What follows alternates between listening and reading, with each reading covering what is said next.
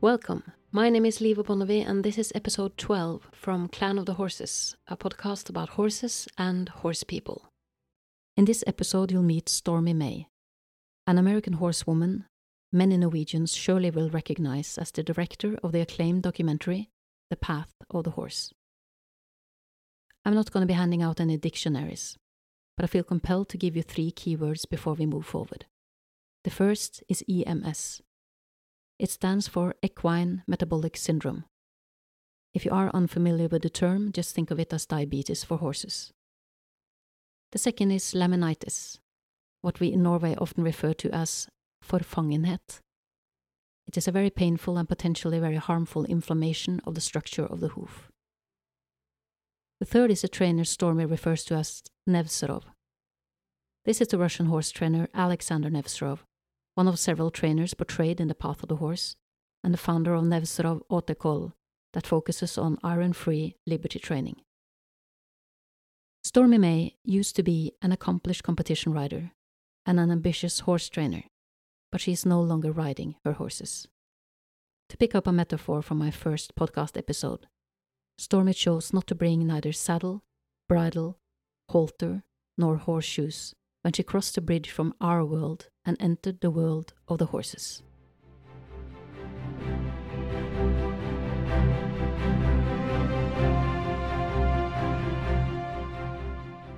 I've really been looking forward to invite you to this talk. Um, we met for the first time in 2011 at Tina's place in Dream Valley.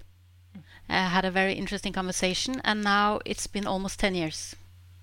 And I'm really curious to know about where you stand with horses now and, and how your journey has been since we last spoke. Mm-hmm. Wow, that's a big question. Yeah, it's a, it's a big life. um, yeah, and thank you for asking those kind of questions because that's that's how we can go deeper when we learn from each other, you know, what we've seen, what we've experienced.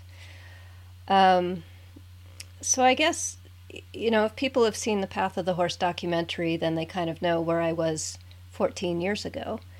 Um, and since then, I would say the path has gotten deeper and more into human development and seeing the horses as teachers and not as something you're going to control and manipulate.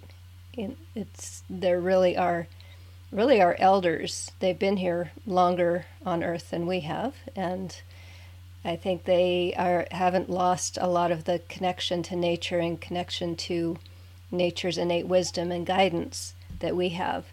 So it's really turning the whole horse paradigm on its head from, you know, how can we use them for riding? How can we use them for sport? How can we use them for work? How can we use them even for companionship? Into how can they teach us? How can they lead us? How can we turn around and honor them for their own natural qualities, not what we can train them to do, but I mean, even if you want to take that metaphor, what, what can they train us to do? What can they help us recover that we have lost in our in our domestication? You know, in our living in boxes and having hot and cold running water and electricity and cars. We've gone farther and farther away from that that ability to really tune into nature in the moment and feel feel where that guidance is that is nature, that is what beats our heart, that is what breathes us. So by partnering with horses in this way, we can we can learn from them by something as simple as just spending time in the pasture with them. You know, it's it's not about how can you get them to half pass. It's it's how can I slow down enough to listen to them, to understand them, to have this this beautiful two-way conversation with them where they can say yes they can say no and it's all good. You know I, I don't feel any worse when they say no to something i suggest than when they say yes to it. It's all an opportunity for learning and growth. But the journey um, to get there to that point where we are able to be silent when when we are able to find kind of rest in our busy lives and meet the horses. I mean, in my um, experience. A lot of people. Uh, I, I, published a book right around the time you came with Path of the Horse, and um, there are similarities between our projects. And people will come to me and they've said, "I read your book, and it's." I can see that it's right, you know, that it is possible to have that kind of a connection with a horse, but um, it's too hard. It's too much work. and it's easier not to. Yeah. It's like with with Matrix with the Neo, and he's offered a blue pill and a red pill, and if you take the blue mm-hmm. pill, you can have the ignorant bliss, and if you take the red pill, then then it's going to be an inconvenient truth, and it's no turning back once you've taken the red pill. And I think, in my experience, a lot of people say I, I stick with the blue, and uh, I've, for what it's worth, swallowed the red one. And once you've done it, it's too late to turn back. Is that also your experience, or how how does that feel for you? Mm-hmm. Yeah, no, that's a great metaphor for what it is, and and for me, just to make it real tangible for people listening, it's like you you come, you know, it's like, oh yes, I love riding horses. It feels great, and it's there's such harmony, but if you actually know an individual horse, there's a lot of moments that make that up. You know, okay, so you're going to put the saddle on, you're going to tie them up, you're going to put the halter on, you're going to put a bridle on, or something. And in all those moments, the horse may say, yes, okay, or the horse may say no. And if the horse says no, are you going to then be the kind of person that finds other ways to manipulate them into that yes? And that's kind of the core of it is is who are you? And most people really don't even people who work with horses long amounts of time, they don't really come to this red pill blue pill moment because they're riding horses who are already trained. You know, if you want to get a horse, you look around and you buy one that's nicely trained and you just get on and go. And it can really seem like, yeah, the horse likes this. You know, he's excited to get out of his stall and he's, you know, walking down the trail and he seems happy. You know, he puts his head in the bridle, you know, like what could be wrong? Um, but for me, I was I was specializing in starting young horses and retraining horses, and some of them were you know did seem to like okay that's fine we'll do it no biggie, but some of them were just not okay with it, and especially 14 years ago the alternatives were get stronger or send them to somebody else who's going to get stronger meaning you know you have to show them who's boss. You, ha- you can't get away with that you know do it over and over and over until they give up which is basically learned helplessness. And i just thought that was normal. I mean that's that's what everybody taught.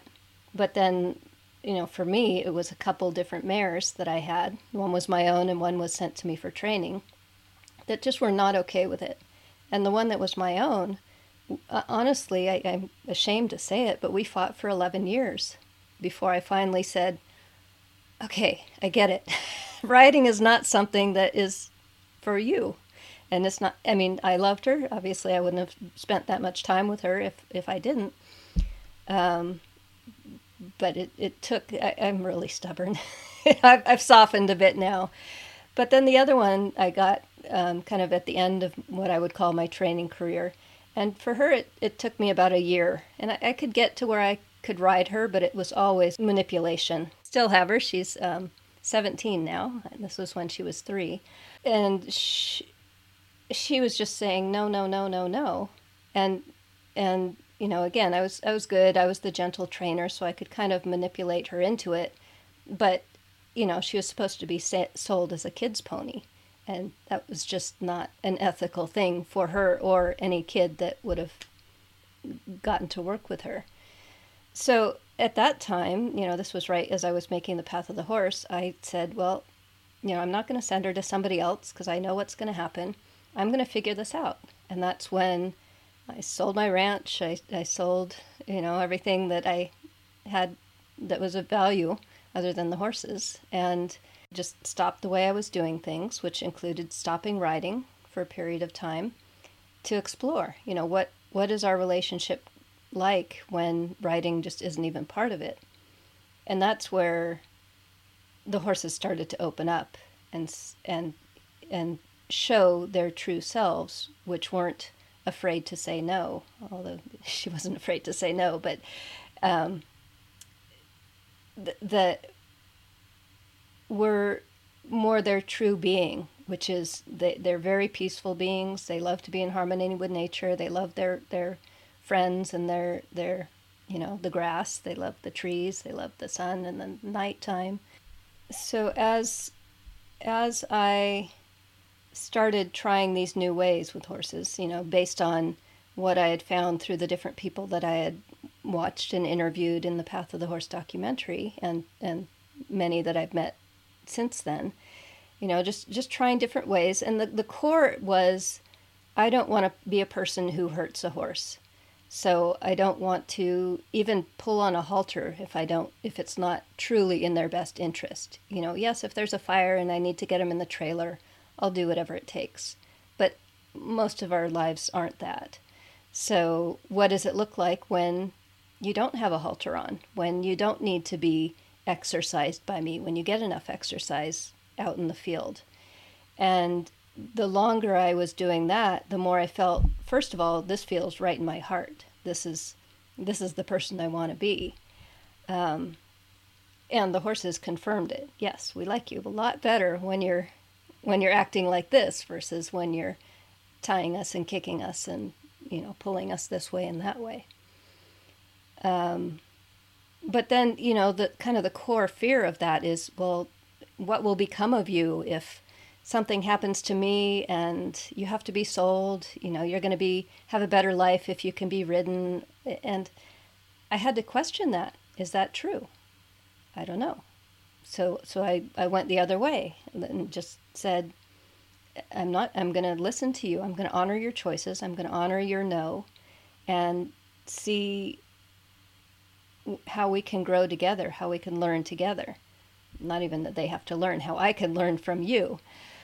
Um, and that's where I found like the real journey is just coming up against my own beliefs, my own concepts of what it's like to be with a horse, which pretty much the only influences we have these days are you ride them. You go to a riding school, you learn how to ride, or you watch YouTube videos about how to how to control your horse's feet, or you know how to how to get them in the trailer, or how to do this, or how to do that. But it's it's not. It, I mean, the the fundamental premise is, I need the horse to serve me. And uh, honestly, I'm still the horse is still serving me, but now it's in my own growth and compassion and empathy, not how can I manipulate your physical body? Do you think because uh, this is this is where I kind of what what happened after we last met was that I bought myself a new horse, and this was a fresh horse, not a planned thing. I just met him in a field and uh, I had to bring him home. Uh, and luckily for me, and I wouldn't say it's lucky, more faith maybe. Um, he um, he didn't want to be ridden not comfortable with riding at all. Um, so I spent two and a half years on the ground with him. Uh, and um, for people who have not been into this kind of thing at all, it must have been, or I, I could tell that it was strange for them. But to me, it's it's no longer possible to just get on. Uh, I have to know that we are in it together in a way. And for two and a half years, I thought I may never ride him. But what happened was that when we were out in the forest together, because I did a lot of stuff with him from the ground, um, then he wanted to go fast, and I can't go that fast. So then I kind of saw a reason for riding him. Um, and then I started to ride him very gently and very, like if you are on a two hour trail ride, then it would be effectively maybe 20, 30 minutes riding, and the rest of the time will be walking. So basically, more or less get on when when it goes too fast, because I, you know, mm-hmm. it's it has nothing to do. Not, even with my best of will, I I can't go that fast. So so that kind of was an incentive to get on him again, and and see how that works. And it was really a question of, like you say, it's so many pieces in the process when you are supposed to ride a horse with a bridle, with a saddle, with everything. And to kind of listen to all the little things. Like it took me probably a year to find a saddle. That was okay. took me another year to find some solution with the reins. That was okay. Uh, but still, it's not. I can never go back to ride like I used to do before. Just get up and ride, ride, ride. Um, but it's.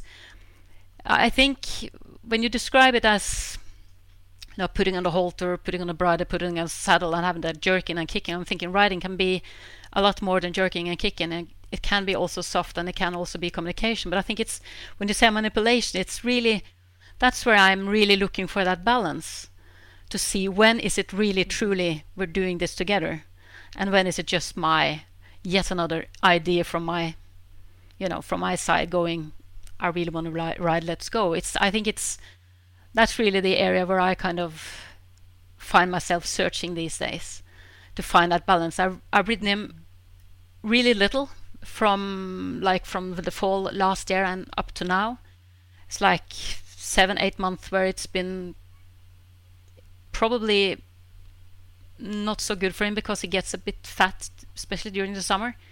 So I'm, and then that's also a concern with EMS and stuff, you know, um, because I need to keep him healthy. But if I take him away from the grass, okay, he gets thinner. But then you have the psychological thing, you know, he needs to be with his friends. So I, I think it's there's so many things and and um, uh, aspects to take into the equation. When it used to be. I mean, when I started riding, when I was 13, I was such a good rider. I mean, I've I've never been better than when I was 13. And you just put on the saddle, and, and a saddle was a saddle. A bit was a bit, hay was hay, and hoof was hoof, and, and a shoe was shoe. and now it's like, mm-hmm. it's rocket science. Everything is rocket science. So, so personally, I, I, um, I still find myself searching to find that right place. Because when I, I had a really exper- interesting experience with him last week, I, I took him out for a think we were away for like two hours, and I kind of challenged him a little. Uh, I think it's important to, to challenge him to a point where I know that I'm not challenging him, uh, so it feels comfortable for him, but still I move him a little. And when I come to the mm-hmm. pasture the next day, when I've done that, he always comes charging. He wants to go. So they also need and like to grow with us. So kind of looking for that balance where where we're not getting greedy again or where we're not taking mm-hmm. advantage again but when we find you know balance in our on on off the horse kind of thing it's it's complicated but i think mm-hmm. i think you of all people know what i'm talking yeah. about yeah well definitely the way i explored that you know back kind of in 2009 after i'd stopped riding for a while and then the the idea was then you get back on but you do it with the horse being willing to do it. Um, and to me, the the ultimate challenge was, can I do this with no tack? Can I just walk up to a rock and have the horse come and say, "Sure, get on my back, let's go," and then I just get on, no bridle, no saddle, no cordeo, no nothing, and feel safe enough that the horse is truly my partner and we can do this together. And I did get to that point, especially with the horse that you see me with in the path of the horse.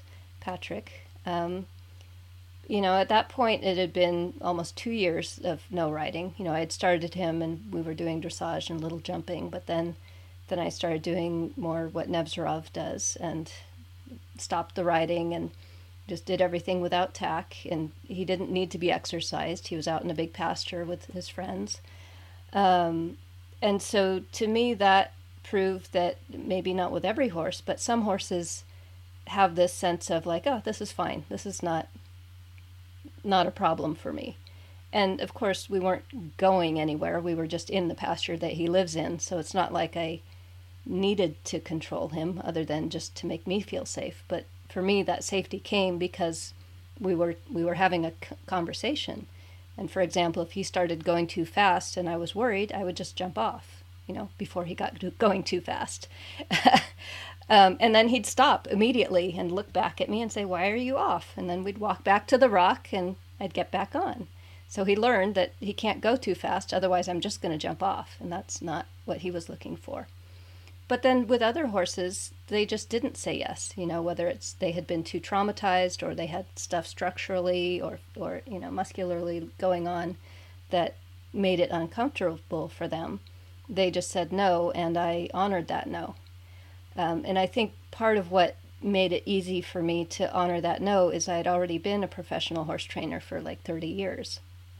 So it's not like I still really had this urge, I gotta ride, I gotta ride. It was like, eh, you know, riding's hard on a person too. It's it's hard on your lower back, it's hard on your shoulders. It's you know, it's physically yes, we can do it for therapy, but that's a very different type of riding than most of us riders do. Um, so you know, I, I hear where where your it sounds like your dilemma is you you really believe that he will have a better quality of life if you do ride him a little bit. You know, he'll get out to go go further and go faster on these trails where he wouldn't get to go if you weren't on him. And that's that was what I was re-examining. You know, is it really in the horse's best interest, or is this something that's still it's for me, but it's not so bad for them?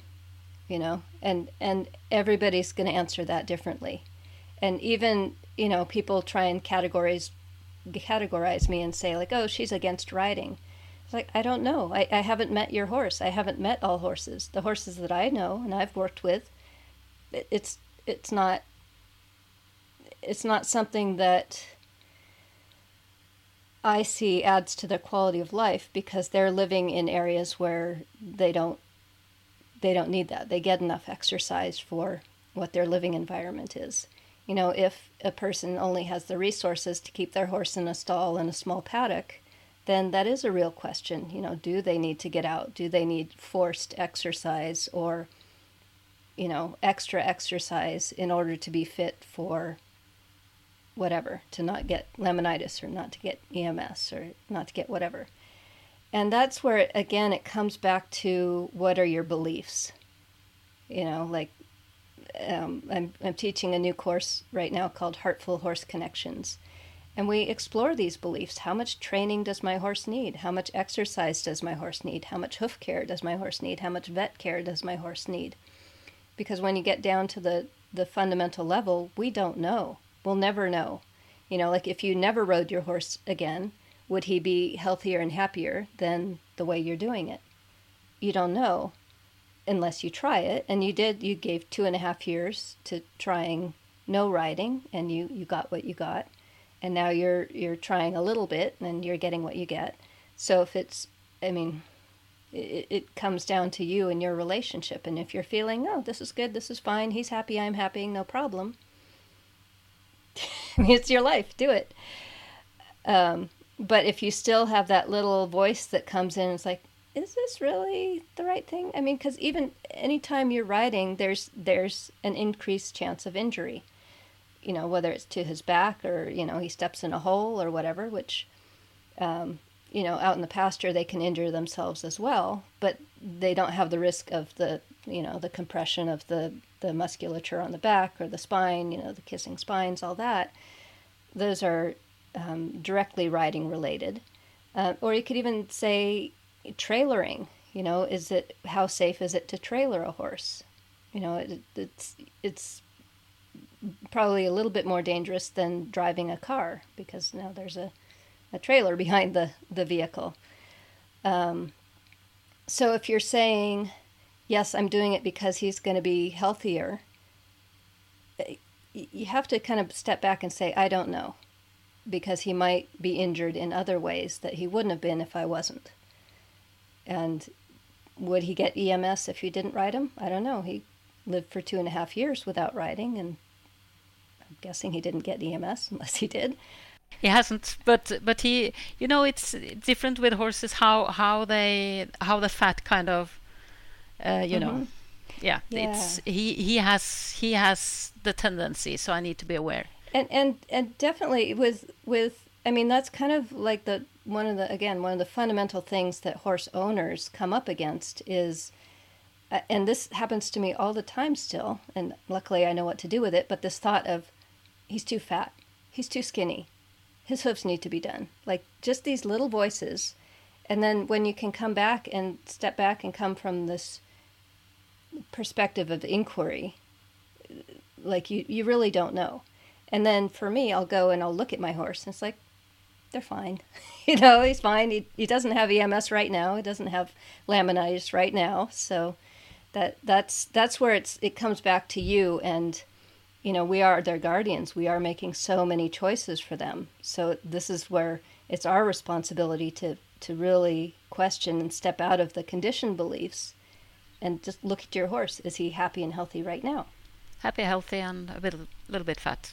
No, it's just it's just that I have his teeth done in October, and then it's been out eating grass since June.